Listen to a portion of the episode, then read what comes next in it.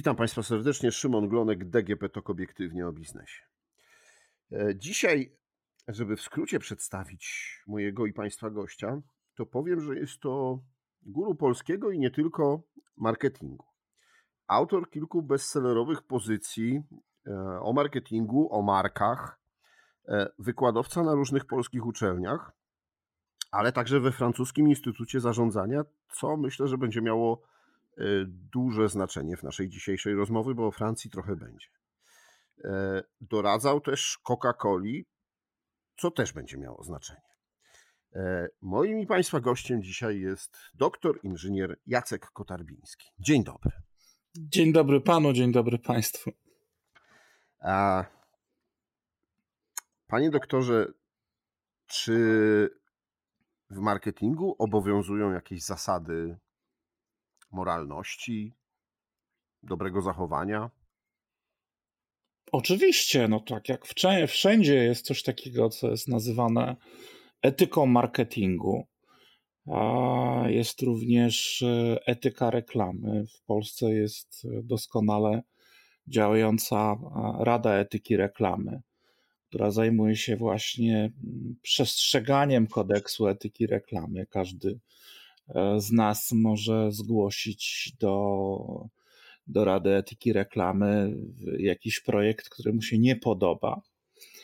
E, I to mm, jest w określony sposób oceniane. W związku z tym marketing podlega określonym zasadom e, etycznym, ale umówmy się, za te działania marketingowe no, są odpowiedzialni właściciele czy inwestorzy, ci, którzy zarządzają firmami czy organizacjami. Aha. No dobrze, bo wojna na Ukrainie e, i wszystkie straszne rzeczy, o jakich codziennie się dowiadujemy, e, i e, bardzo mocno wpływa na biznes, a przez co też wpływa na marketing. W ogromnej części biznes w Europie, ale i na całym świecie wycofuje się z rynku rosyjskiego, bo nie chce być kojarzony z wojną z finansowaniem wojny, z e, wspieraniem e, no, zbrodniczej władzy.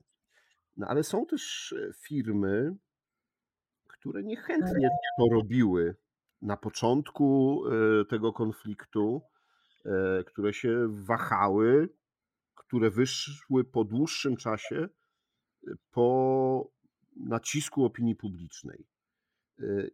Jak w firmach następują, e, są podejmowane takie decyzje o tym, że właśnie wychodzimy z jakiegoś rynku, o tym, że zaprzestajemy tam e, sprzedawać, produkować, dostarczać towarów? Oczywiście to zależy od wielkości firmy, zależy od tego, e, kto jest jej właścicielem. Jeżeli to są nieduże firmy, gdzie są to prywatne, jest to jeden prywatny właściciel albo kilku prywatnych właścicieli, to te decyzje na pewno są łatwiejsze. E, faktem jest, że, że też miałem kiedyś tego rodzaju pytania, że zupełnie co innego, jeśli firma ma 90% e, swoich przychodów, czy miała skoncentrowanych w Rosji, a zupełnie co innego, jeśli ma 2% przychodów, tak? to, to jest w tym momencie trochę inna decyzja. Natomiast w przypadku dużych organizacji, w przypadku dużych korporacji, e, liczy się taki ten efekt wizerunkowy, to znaczy w jaki sposób będą się zachowywali klienci. E, protestują, klienci protestują, to jest bardzo dobra cecha i wcale tych klientów nie musi być dużo. Ważne jest po prostu to, żeby te protesty były medialnie zauważalne, dlatego że w tym momencie korporacja postrzega, że, że, że jest e, jakaś dyskusja na temat jej wizerunku. Natomiast z drugiej strony no, stoją pewne twarde wskaźniki, czyli firma po prostu patrzy na to, czy e, jej spada sprzedaż na, na, na rynku na przykład rosyjskim, czy na innych rynkach w wyniku tego, że, że podejmuje określone działania. Ja myślę, że tak już zupełnie to upraszczając, przede wszystkim chodzi o inwestorów. Jeśli inwestorzy korporacji czy właściciele tej korporacji podejmą decyzję o tym, żeby wychodzić z jakiegoś rynku, e, to ta firma to zrobi. Mhm. na Uniwersytecie Yale mm, zespół badawczy pod kierownictwem profesora Zonefelda e, założył listę, która w Polsce bardzo szybko zaczęła funkcjonować pod nazwą listy wstydu. Ona jest podzielona na cztery tak. kategorie. E, I szczególnie dotyczyło to firm, czy takie oburzenie społeczne wywołały te firmy, które nie tylko nie wycofały się z Rosji, przez długi czas nie wycofywały, e, no ale nawet miały plany na rozwój tam.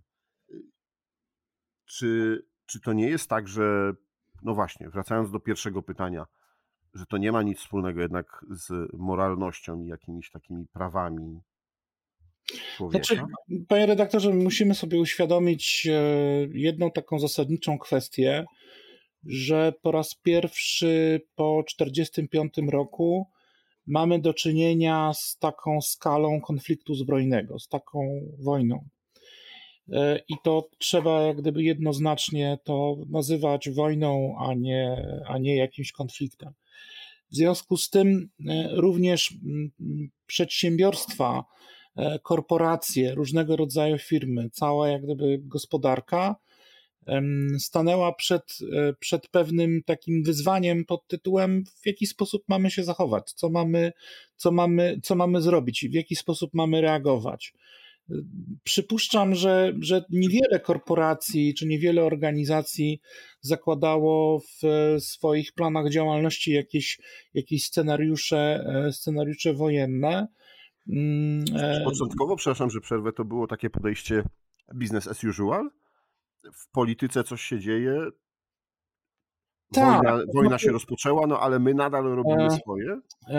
Tak, to znaczy biznes zasady nie, nie reaguje na określone działania polityczne, nie zabiera głosu w sprawach politycznych, co jest moim zdaniem rozsądne, dlatego że e, mają jak gdyby klientów z różnych, z różnych stron i nie chcą, nie chcą tutaj w określony sposób reagować, ale umówmy się, wojna, e, prawdziwa wojna to już nie jest polityka.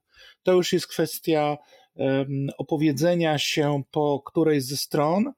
I tutaj trudno, e, trudno jak gdyby stać między, między jedną, jedną a drugą stroną, dlatego że ta wojna po prostu e, dotyczy na swój sposób wszystkich, tak w różnej, jak gdyby w różnej skali. W związku z tym wymaga się dzisiaj, znaczy wymaga się, to, to jest znowu kwestia pewnego nacisku moralnego, pewnego E, pewnego takiego podejścia humanistycznego, żeby e, firma, marka w tym momencie opowiedziała się po której ze stron. Albo jesteś e, tam, albo jesteś jak gdyby tutaj. Albo jesteś po stronie wartości zachodnich, albo jesteś po stronie no, tego wszystkiego, co, co oferuje Putin. I to z punktu widzenia takiej komunikacji społecznej, takiej bardzo prostej, zero, zero-jedynkowej, moim zdaniem jest, jest jak gdyby rozsądne. E, klienci, konsumenci mm, e, oczekują pewnych e, jasnych deklaracji, nie, nie chcą lawirowania. Albo jesteś tu, albo jesteś tu. No i teraz wracając do Coca-Coli. Na początku firma nie była zbyt ochocza, nie, nie szybko zdecydowała się. Pierwsze dni E, nadal e, zostawała na tamtym rynku. E, wręcz pojawiły się bardzo różne memy, przeróbki logotypu Coca-Coli. No i chyba jak większość firm dużych korporacji amerykańskich, jednak szybkie, zdecydowane wyjście.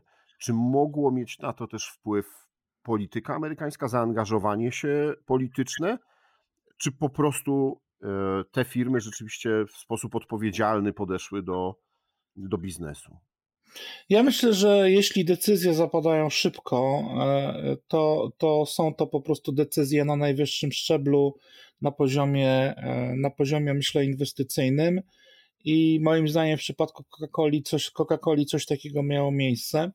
Natomiast warto pamiętać, że Coca-Cola E, nie jest takim, można powiedzieć, zwykłym produktem. To jest no, symbol Ameryki. I w, twórcy Coca-Coli od, pamiętam historię też z czasów II wojny światowej, wychodzili z takiego założenia, że wszędzie tam, gdzie będzie żołnierz amerykański, będzie Coca-Cola.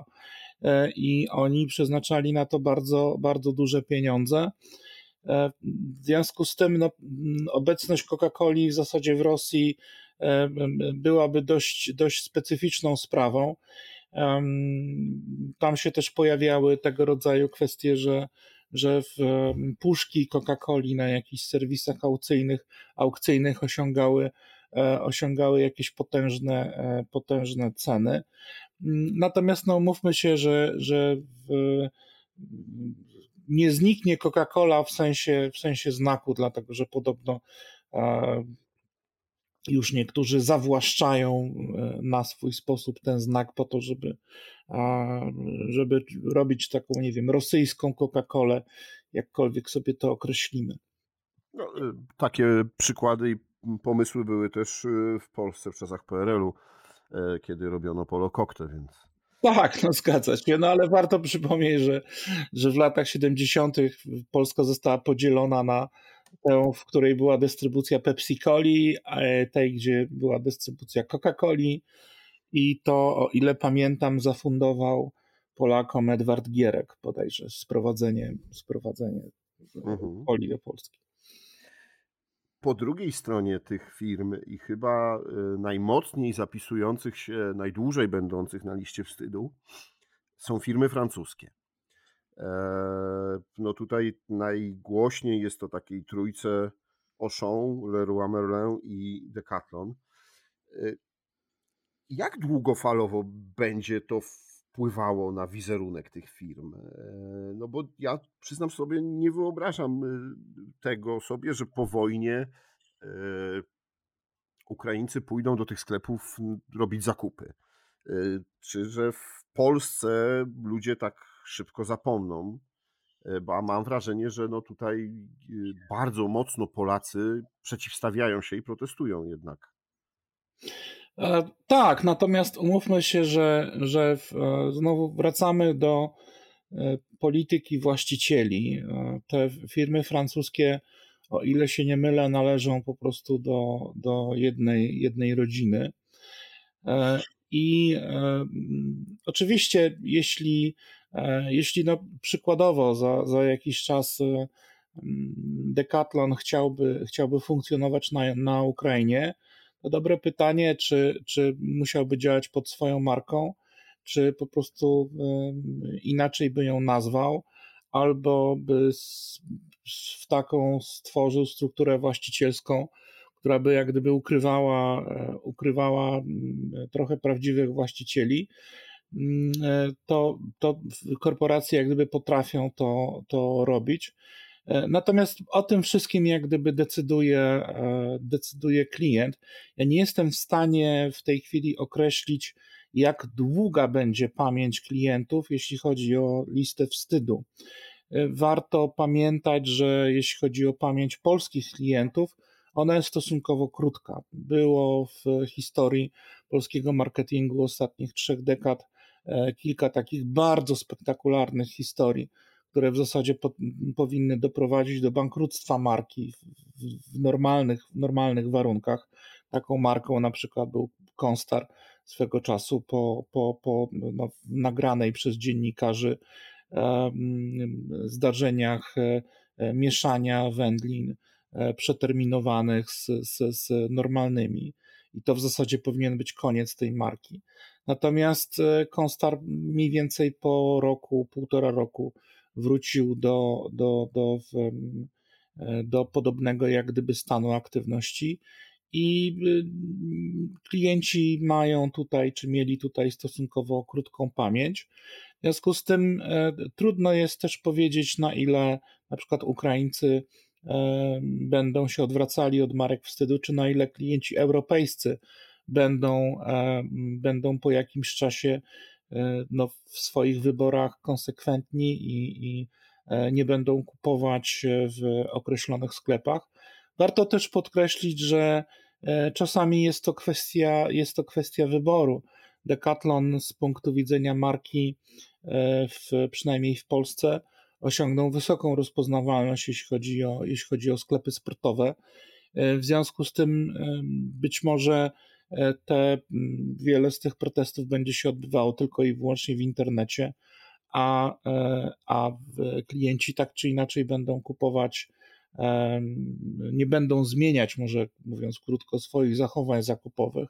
No i często to, to jest jak gdyby potwierdzone, że my lubimy hałasować w sieci, natomiast jeśli chodzi o e, zmianę zachowań zakupowych, to, to już tak nie za bardzo.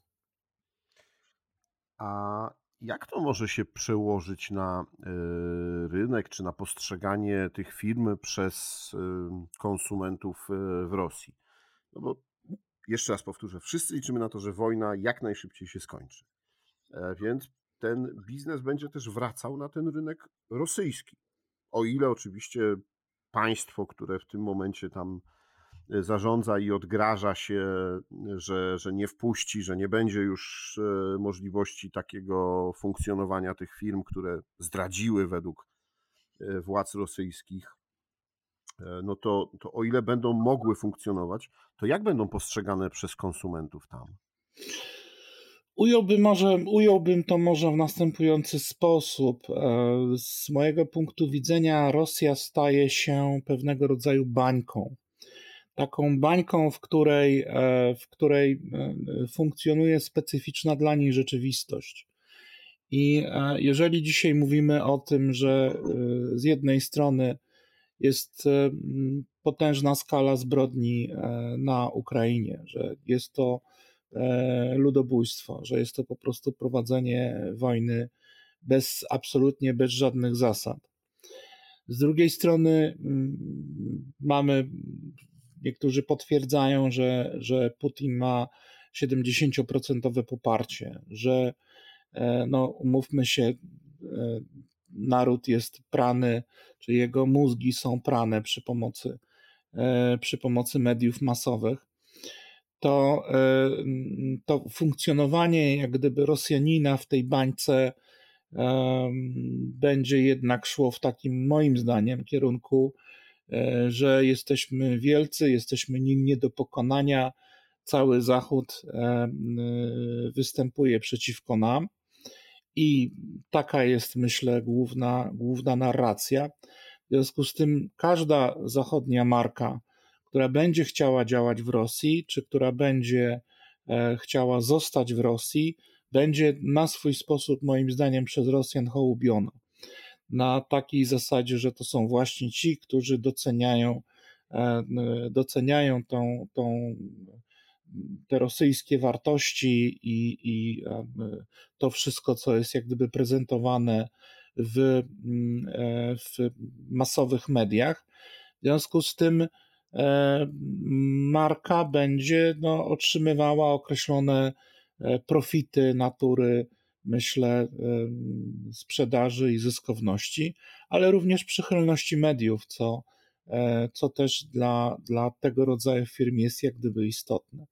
W związku z tym... Czyli pozostaje zważyć, yy, czy bardziej ważna jest opinia na Zachodzie yy, i w mediach i w społeczeństwach zachodnich, czy ważna jest opinia w Rosji, w mediach i w społeczeństwie rosyjskim. Znaczy, panie redaktorze, ja myślę, że my dochodzimy trochę tutaj do takiego dość fundamentalnego pytania, na swój sposób związanego z etyką biznesu i również z etyką marketingu czyli e, w jaki sposób zarabiamy pieniądze, w jaki sposób organizacje, w jaki sposób inwestorzy, w jaki sposób korporacje zarabiają pieniądze, czy robią to w sposób, e, że tak powiem, godny i właściwy. Pamiętam w II Rzeczpospolitej używano takiego sformułowania gospodarcze szlachectwo. I, I to było tyle istotne, że wtedy był, było bardzo dużo marek osobistych, po prostu właściciele firmy odpowiadali swoją twarzą za to, w jaki sposób firma działa. E, to, to było jeszcze przed erą, erą wielkich anonimowych, można powiedzieć, korporacji z wynajętymi zarządami. E, mm, I, I to jest, myślę, taki właśnie kierunek. Myślę, ta, ta, ta wojna na Ukrainie będzie również jakimś takim powodem do, do dyskusji o tym, w jaki sposób biznes powinien się e, w tego typu sytuacjach jak gdyby zachowywać. E, no, to słynne sformułowanie Petunia non niestety to się sprawdza w przypadku firm, które w tej Rosji chcą, chcą działać, chcą funkcjonować dalej. Natomiast ja myślę, że to, to znowu jest to kwestia głębszej refleksji właścicieli, czy warto, tak? Czy warto z punktu widzenia pewnej perspektywy e, postrzegania marki i, i tego, no jak się będą zachować klienci. Tak? Dobrze, to jeszcze mam pytanie o dwie marki. Na początek powiem tak, że na samym początku napaści Rosji na Ukrainę dotarła do nas wiadomość, że Robert Lewandowski kończy współpracę z Huawei. E, przy tej okazji pojawiły się informacje w brytyjskim Daily Mail, że Huawei miał szkolić Rosjan w zakresie walki z hakerami. Firma, trzeba przyznać, od razu zdementowała te informacje i nazwała je fake newsami. E, no, jednak współpraca się zakończyła. E, ani menadżer Roberta Lewandowskiego, ani sam sportowiec, ani marka nie komentują tego, nie przedstawiają żadnych informacji dalej. E, ale kto bardziej na tym ucierpi, a kto na tym bardziej zyska wizerunkowo, a może też i finansowo? Wydaje mi się, że Robert Lewandowski na tym nie straci. On ma na tyle silną markę osobistą, że, e, że myślę, nie będzie miał problemu z, z różnymi firmami, z którymi może współpracować. Natomiast e, Robert Lewandowski ma ten luksus polegający na tym, że on może decydować, z kim chce współpracować. Ja oczywiście nie znam, e, nie znam szczegółów jego decyzji czy jego, jego zespołu, jeśli chodzi o zakończenie współpracy z Huawei. W związku z tym trudno jest mi to, to komentować. Myślę, że powody były, były, były konkretne, dlatego że Huawei było dość, e, dość istotnym partnerem dla, dla Roberta Lewandowskiego. E, niemniej jednak to, to jest właśnie luksus, moim zdaniem, dobrych marek osobistych, które po prostu po, mogą sobie pozwolić na to, żeby, e, żeby dobrać sobie tych partnerów, z którymi, e, z którymi chcą współpracować. Robert jednoznacznie deklaruje wsparcie dla Ukrainy. Jak widzieliśmy, grał ostatnio ze Szwecją z opaską w barwach e, narodowych Ukrainy. W związku z tym demonstruje swoje poparcie dla, e, e, dla, dla Ukraińców i, i, i dla tego wszystkiego, co, co się tam dzieje. Tak. Wiem, że to może nie jest najlepszy czas, ale na, na takie pytanie i też.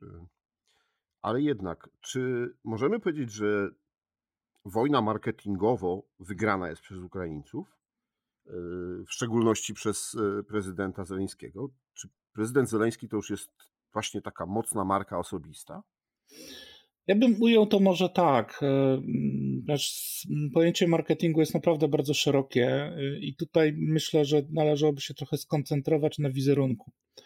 Na pewno, jeżeli powiemy sobie, że marka kraju Mm, Ukraina czy na przykład Polska jest pewnego rodzaju wartością wizerunkową, na pewno e, ta wartość wzrosła. Na pewno wiele osób na świecie dowiedziało się, e, gdzie leży Ukraina, na pewno dowiedziało się, że Polacy potrafią pomagać.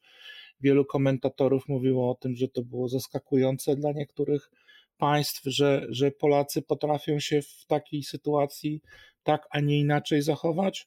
I ja myślę, że drugi element wizerunkowy, który udaje się osiągnąć w kontekście, w kontekście tego, tej wojny na Ukrainie, to jest e, zrozumienie, czy próba zrozumienia, tak na dobrą sprawę, dlaczego Europa Wschodnia tak bardzo, może nie tyle obawia się, ale tak bardzo e, zwraca uwagę na poczynania Rosji dlatego że jak być może Pan pamięta, Zachód przez wiele lat te, te zagrożenia na swój sposób lekceważył. Tak? Byliśmy postrzegani jako e, tak, rusofobiczni. Rusofobiczni, tak, i tutaj, tutaj myślę, że to się, to się zmienia i to jest z punktu widzenia też e, komunikacji, wizerunku. E, może to trochę dziwnie brzmi, ale in plus. Natomiast jeśli chodzi o prezydenta Żeleńskiego i jego markę osobistą, faktycznie wielki szacunek dla, dla tego człowieka który po prostu pokazał się w sytuacji kryzysowej jak prawdziwy lider, który walczy o swój kraj, który e, komunikuje się zgodnie, zgodnie jak gdyby z, z e, podstawowymi zasadami, który no, przemawia do, do, do różnych jak gdyby nacji i jest e, no, osobą waleczną, tak? jest osobą, która nie prosi o litość, mówiąc krótko, tylko jest po prostu osobą, która, e, która że tak e, wskazuje na, na konkretne zagrożenia, wskazuje jak gdyby na konkretne rzeczy. I myślę, że dla wielu, e, szczególnie polityków, ta postawa prezydenta Żeleńskiego jest jak gdyby zaskakująca, szczególnie dla tych polityków, którzy, którzy stali się rozpoznawalni, a w zasadzie nadal się zachowują jak urzędnicy, e, nie mówiąc już o, nie wiem, prezydentach, którzy się zachowują jak dyktatorzy. Tak? Ja kiedyś powiedziałem, że są takie trzy modele, e, można powiedzieć, marek osobistych, jeśli chodzi o przywódców. Ten pierwszy model to jest właśnie taki, że ktoś gra e, tutaj macho i takim jest na przykład Putin, czy e, takim e, byli dyktatorzy typu Kaddafi na przykład, czy Hussein. Mm, drugi typ to jest taki typ urzędniczy typowo, e, który, który jest taki mocno zdystansowany, mocno sztywny. I trzeci typ, taki nazwałem go sobie na roboczo familiarny, czyli właśnie zarówno prezydent Biden, jak i, jak i Żeleński E, ci, którzy obserwowali wizytę prezydenta Bidena e, w Polsce, myślę, pamiętają tę scenę z żołnierzami, gdzie zjadł sobie z nimi pizzę, pogadał, pożartował, porobił sobie selfie. E, czyli taki po prostu ludzie, po których widać to, że oni są, oni są naturalni w tym, jak gdyby co robią. Nie ma w tym, nie ma w tym jakiejś sztuczności. Okej. Okay. Dziękuję panu bardzo za rozmowę. Mam nadzieję, że też z punktu widzenia biznesu i marketingu trochę przybliżyliśmy naszym słuchaczom, jak wygląda e, zaangażowanie firm e, na, na tej wojnie, albo jak nie powinno wyglądać. E, moim i Państwa gościem był doktor inżynier Jacek Kotarbiński, marketingowiec. Dziękuję bardzo, panie redaktorze, dziękuję Państwu. Do usłyszenia.